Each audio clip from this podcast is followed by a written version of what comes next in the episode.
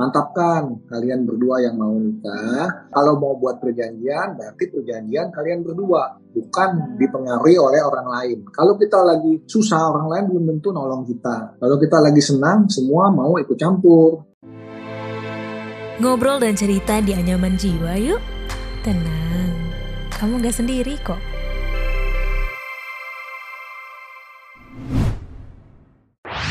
Sobat Medio, podcast Beginu yang dibawakan oleh Wisnu Nugroho, pemimpin redaksi Kompas.com siap bekali kamu dengan obrolan penuh wisdom mulai dari Dahlan Iskan, Najwa Shihab, Jason Ranti, dan sosok inspiratif lainnya. Persembahan Medio Podcast Network by KG Media dan Kompas.com hanya di Spotify.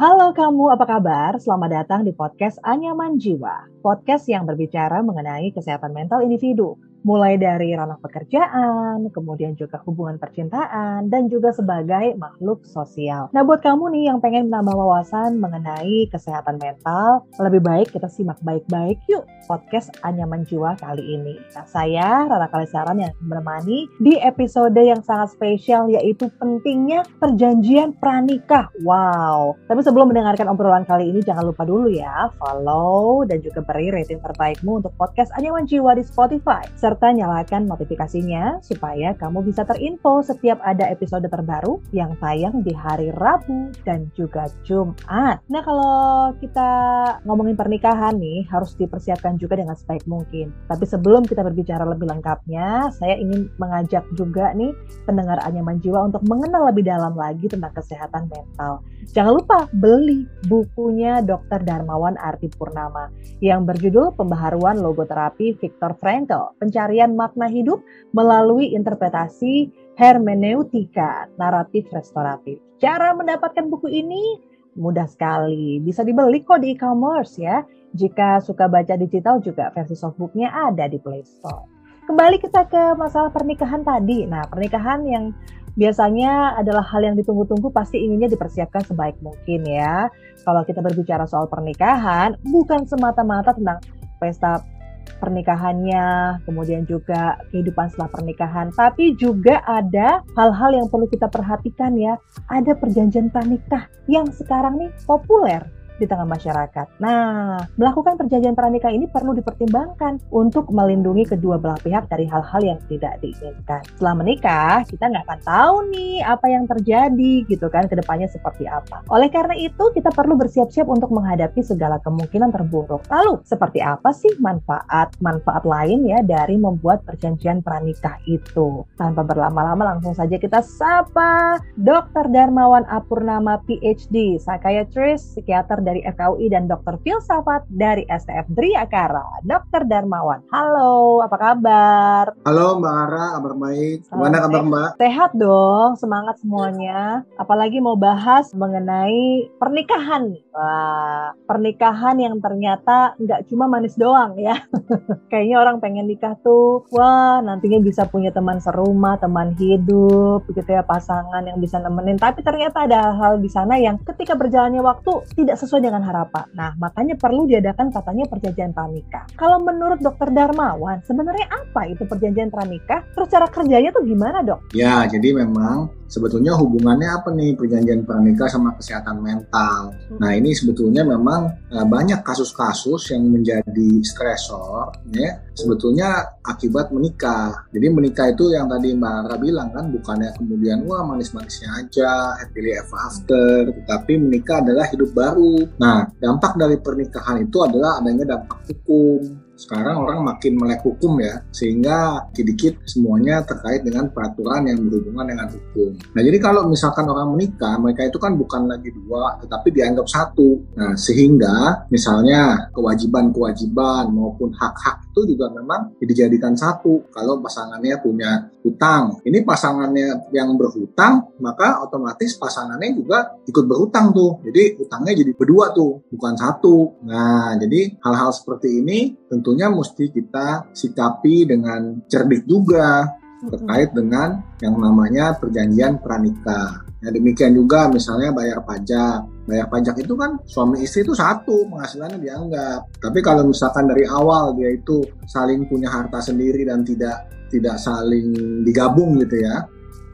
Nah itu kan berarti lapornya sendiri-sendiri juga misalnya gitu ya. Nah jadi hal-hal seperti ini eh, sering kali membuat sumber stres. Karena kan sumber stres itu kan bukan hanya perceraian, bukan hanya konflik psikologis, tetapi masalah pendidikan, masalah ekonomi itu juga eh, menjadi sumber stres. Jadi itulah Makanya kita mulai memikirkan dengan bijaksana bagaimana adanya perjanjian pranikah. Jadi perjanjian pranikah ini bukan untuk kalau kita cerai lalu lebih mudah bagi-bagi harta gonogininya karena punya perjanjian pranikah. Bukan untuk itu tujuannya. Oh. Tapi mostly yang diatur memang masalah financial gitu ya? Atau bisa masalah ya. lain juga? Ya, sebetulnya bisa aja diatur dengan hal lainnya. Jadi tidak hanya masalah finansial. Jadi kan keluarga itu kan sebetulnya harus direncanakan Nah, dari perencanaan inilah makanya kita bisa mengatur, uh, dibuat perjanjian. Nah, cuma memang selama ini orang banyak fokus ke masalah kewajiban-kewajiban yang berhubungan dengan hukum dan finansial gitu. Sehingga fokus dari perjanjian pranikahnya yang dibuat di misalnya dinotariskan gitu ya itu di situ kebanyakan yang terkait dengan dampak hukum dan finansial karena finansial biasanya juga akan ada dampak hukum seperti itu. Oke, okay. Dokter Darmawan kalau kita mengkaitkan juga dengan tadi kesehatan mental yang biasanya dokter temui kasus di lapangan pasien-pasiennya dokter gitu, apa sih yang menjadi masalah dari pernikahan ini sehingga memerlukan perjanjian pranikah? Ya, kalau misalkan masalah finansial yang diributkan itu biasanya memang ada hal-hal yang terkait dengan tadi tahu-tahu si pasangannya terlibat judi, tahu-tahu pasangannya terlibat hutang, lalu ditipu orang. Nah, ketika penagih hutangnya datang, maka itu kan misalkan suami yang melakukan, makanya istri dari harta istri termasuk apa namanya mungkin emas kawin, perhiasan istri itu termasuk disita semua tuh. Ah. Karena kan tidak terpisah hartanya, ya kan? Jadi hal-hal seperti ini mereka ungkapkan dalam sebuah keluhan stres, cemas, was-was gitu loh, sampai depresi. Nah hal-hal seperti ini yang makanya saya sering kali akhirnya melihat perlu juga nih mungkin kita mensosialisasikan masalah-masalah seperti ini yang dulu kan waktu sebelum menikah kan nggak kepikir, mm-hmm. ya kan? Apalagi sekarang nih lagi ngetren tiba-tiba habis nikah suaminya ditangkap karena penipuan investasi gitu kan, pencucian uang nah, dan sebagainya sebagainya. Ah, oke. Okay. Nah, kemudian apa yang harus pasangan ini lakukan, calon uh, suami istri ini lakukan ketika mereka harus melakukan perjanjian pernikah? Ke mana? Apa saja yang uh, menurut dokter perlu untuk uh, diatur? Ya biasanya sih kalau misalkan idealnya memang sebelum menikah itu kan ada persiapan pernikahan, ada konseling pranikah yeah. yang biasanya membicarakan masalah-masalah yang bukan hanya masalah karakter atau sifat, tetapi juga mengenai perencanaan keluarga. Nah kemudian juga termasuk tadi masalah keuangan. Jangan sampai nanti ketika udah menikah kebetulan karir istri lebih sukses, lalu suaminya minder, mulai ribut atau istrinya yang nggak puas nah, masih menuntut katanya kepala keluarga suami harusnya suami yang punya uang lebih banyak bukan istri yang jadi tulang punggung keluarga nah hal-hal seperti ini juga sering kali diributkan hmm. jadi kalau misalkan nanti kita bikin sebuah perjanjian perjanjian itu semata-mata untuk mengakali atau mencermati atau berbuat cerdik terkait dengan masalah hukum Sedangkan masalah psikologis emosional tadi yang berhubungan dengan siapa yang harus lebih bertanggung jawab, siapa yang menjadi breadwinner, itu mesti dibicarakan lagi di dalam konsul uh, pranikah. Demikian juga misalnya dibicarakan soal masalah pendidikan anak. Ada yang datang cuma ribut masalah anaknya disekolahkan di sekolah biasa atau di sekolah internasional. Yang satu berpandangan harus di sekolah internasional, yang satu cukup sekolah biasa. Kemudian juga masalah anak mau sekolah apa terkait dengan keuangan. Nah, jadi hal-hal seperti ini adalah hal-hal yang biasa ditemui. Kalau ketika kita membuat perjanjian, tentunya nggak bisa semua perjanjian itu dimasukkan di dalam klausul perjanjian. Nah, biasanya yang e, berpotensi dan yang lebih prioritas itu yang dimasukkan. Nah, biasanya perjanjian itu nanti bisa dikonsultasikan dengan notarisnya. Biasa yang membuatkan perjanjian itu adalah notaris. Jadi memang sekarang, zaman sekarang ya, apalagi dikit-dikit orang sekarang mau jadi pengusaha. Jadi pengusaha itu kan mesti berani punya modal. Modal itu kan nggak selalu punya dari kita seluruhnya, tetapi hmm. kita biasanya ambil kredit dari bank, ya atau ada yang berinvestasi tanam tanam modal nanti ada perjanjiannya lagi nah hal, -hal seperti itu mesti di, di, dicermati tuh uh, dalam sebuah perencanaan ketika kita mau menikah ya oh, oke okay. Oke, jadi memang kita harus mendatangi notaris begitu ya, lalu mengatur sendiri apa yang kira-kira diperlukan bahkan sampai dengan sekolah anak pun kita bisa atur di situ ya. Kalau untuk ke notarisnya bisa jadi memang untuk sekolah anak nggak perlu dimasukkan di dalam itu. Oh, jadi klausulnya kata-katanya mungkin tidak spesifik untuk sekolah anak gitu di sana. Hmm. Tetapi memang di dalam konsultasi pranikah dengan psikolog atau dengan psikiater mungkin hal-hal itu bisa dimasukkan gitu. Saya jadi tertarik untuk membahas apakah zaman dulu sangat dibutuhkan begitu ya eh, konsultasi dengan psikolog atau psikiater sebelum menikah. Apakah karena perkembangan zaman sehingga sekarang banyak pasangan lebih membutuhkan itu karena mungkin ang- angka perceraian meningkat atau bagaimana Dokter Darmawan? Ya, zaman dulu orang lebih banyak konsultasi itu oleh ketua adat, ketua adat atau yang dituakan di dalam keluarga, kemudian juga tokoh-tokoh agama ya. Jadi seperti pandangan saya ini pernah ditentang oleh tokoh agama karena dianggap bahwa kenapa suami istri itu mesti pisah-pisah harta. Ya saya jelaskan bahwa ini bukan soal pisah harta dalam artian bahwa sungguh-sungguh pisah harta. Jadi eh, ini duit gue ya, ini duit kamu, Eh, nggak bisa diganggu gugat. Nah ini cuma soal masalah perjanjian hukum. Jadi ketika dalam menjalani hidup sehari-hari ya itu tetap sama-sama saling mendukung, saling membantu, bukan hitung-hitungan tadi mesti suami yang jadi breadwinner Hmm. atau suami minder nggak terima istri yang jadi breadwinner seperti itu. Nah jadi eh, perlu kita sadari dan bedakan. Nah itu zaman dulu. Nah zaman Ya. sekarang nggak ada hal-hal di mana yang perubahan zaman membuat masalah lebih complicated. Siapa sih yang inget maksud maksudnya siapa sih yang menduga kalau zaman sekarang tuh dikit-dikit kita dituntut gitu loh. Zaman sekarang dikit-dikit ambil kredit. Kalau zaman dulu kan bank aja masih belum seperti saat ini. Kalau sekarang kan bank bahkan bisa kasih kredit tanpa agunan seenaknya. Iya. Kemudian belum lagi investasi-investasi bodong segala macam ya. Zaman dulu Iya. belum secomplicated sekarang. Oke, dok, kita berbicara dulu yang sekarang. Kalau dulu tuh sepertinya tabu gitu ya, ngajakin orang, mau nggak kamu aku ajakin untuk kita bikin perjanjian pranikah dulu gitu. Nah, mungkin nggak sih kita buat sepihak gitu, tanpa persetujuan dari calon pasangan kita? Kalau perjanjian kan mesti kedua belah pihak, jadi nggak mungkin dua-duanya. kalau sepihak, harus dua-duanya. Mhm. Kalau yang dulu belum punya perjanjian pranikah, bisa sih dibikin postnet saat Hmm. ini. Eh, saat ini kayaknya bisa, ya saya sempat nggak bisa. Jadi kalau saat ini itu hitungannya itu dibuat perjanjian per tanggal saat perjanjian ini gitu, pembagiannya seperti itu. Oke, Eh, kemudian cara kita untuk approach ke calon untuk eh, untuk mengatakan bahwa yuk kita bikin perjanjian pranikah. Karena mungkin buat pasangan kita itu sesu- sesuatu yang apa nih gitu. Gimana nih caranya dok? Ya biasanya kalau yang dari keluarga bisnis itu biasanya sih eh, sudah otomatis paham ya. Jadi seakan-akan selama ini zaman-zaman dulu nggak pernah ada yang buat kayak gitu. Ternyata enggak. Ternyata zaman-zaman dulu tuh banyak juga yang buat seperti itu. Tapi kebanyakan dari keluarga-keluarga pebisnis karena mereka tahu mereka itu rentan, rentan dengan masalah hutang dan lain sebagainya, termasuk apa liability-nya, kewajibannya.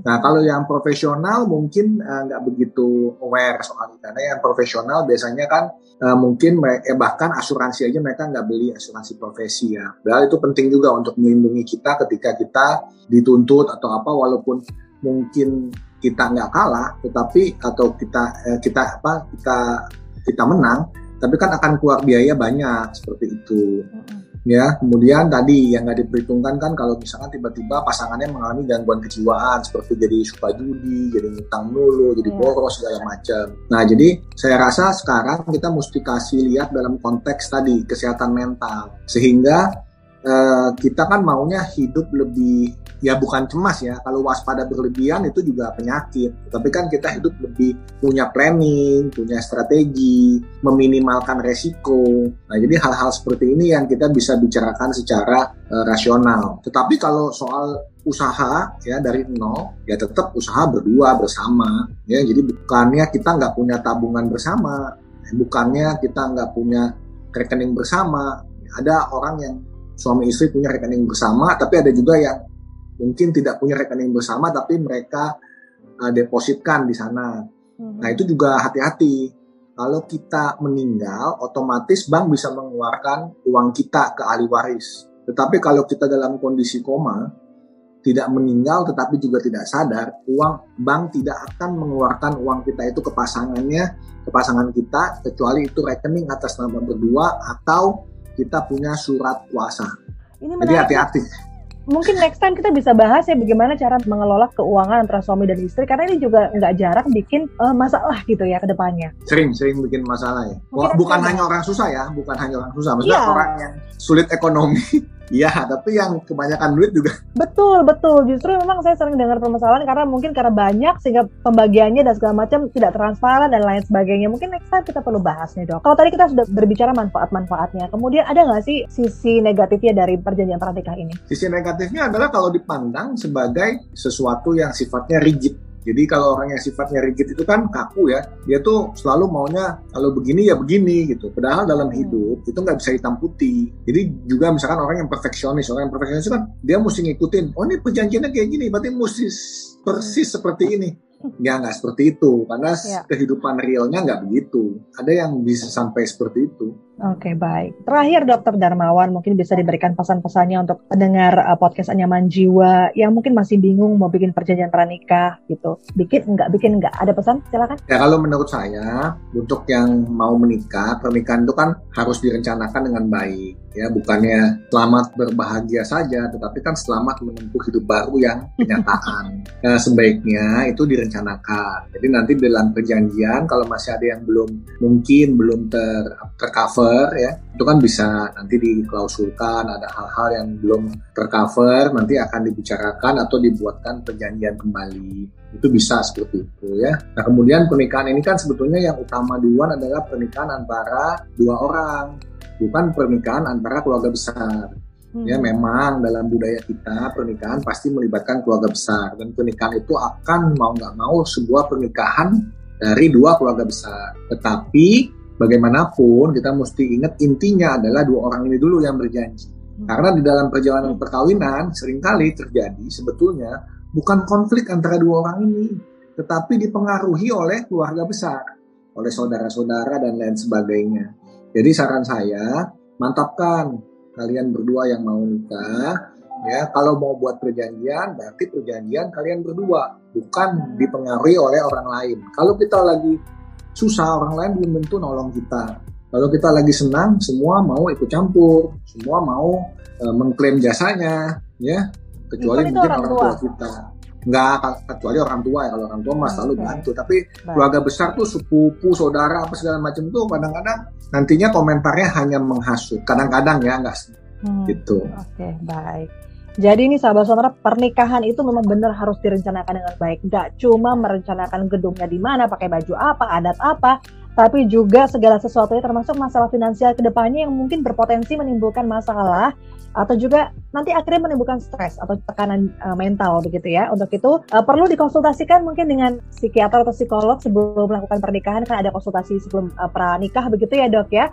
Atau juga bisa dengan notaris untuk membuat perjanjian pranikah sebaiknya seperti apa. Kemudian juga mantapkan dengan pasangan yang mau nikah ya, karena itu penting sekali tidak perlu ada pengaruh-pengaruh dari keluarga besar, campur tangan dari saudara, yang pasti dimantapkan dulu dari kedua belah pihak si calon suami dan calon istrinya. Baik. Terima kasih Dokter Darmawan waktunya berbincang dengan pendengar podcast Anyaman Jiwa. Terima kasih Mbak Ara. Sampai ketemu di podcast selanjutnya. Demikian tadi podcast Anyaman Jiwa bersama Dokter Darmawan Apurnama. Nah buat yang pengen berbagi cerita tentang kesehatan mental, boleh banget kirim email ke podcast@kgmedia.id atau juga bisa DM Instagram at sonarafm92 dan at medio by KG Media. Dengarkan podcast menarik lainnya dari Anyaman Jiwa di Spotify. Saya Rara Kalesaran Ya, udah selesai episode kali ini. Tungguin episode Anyaman Jiwa selanjutnya ya.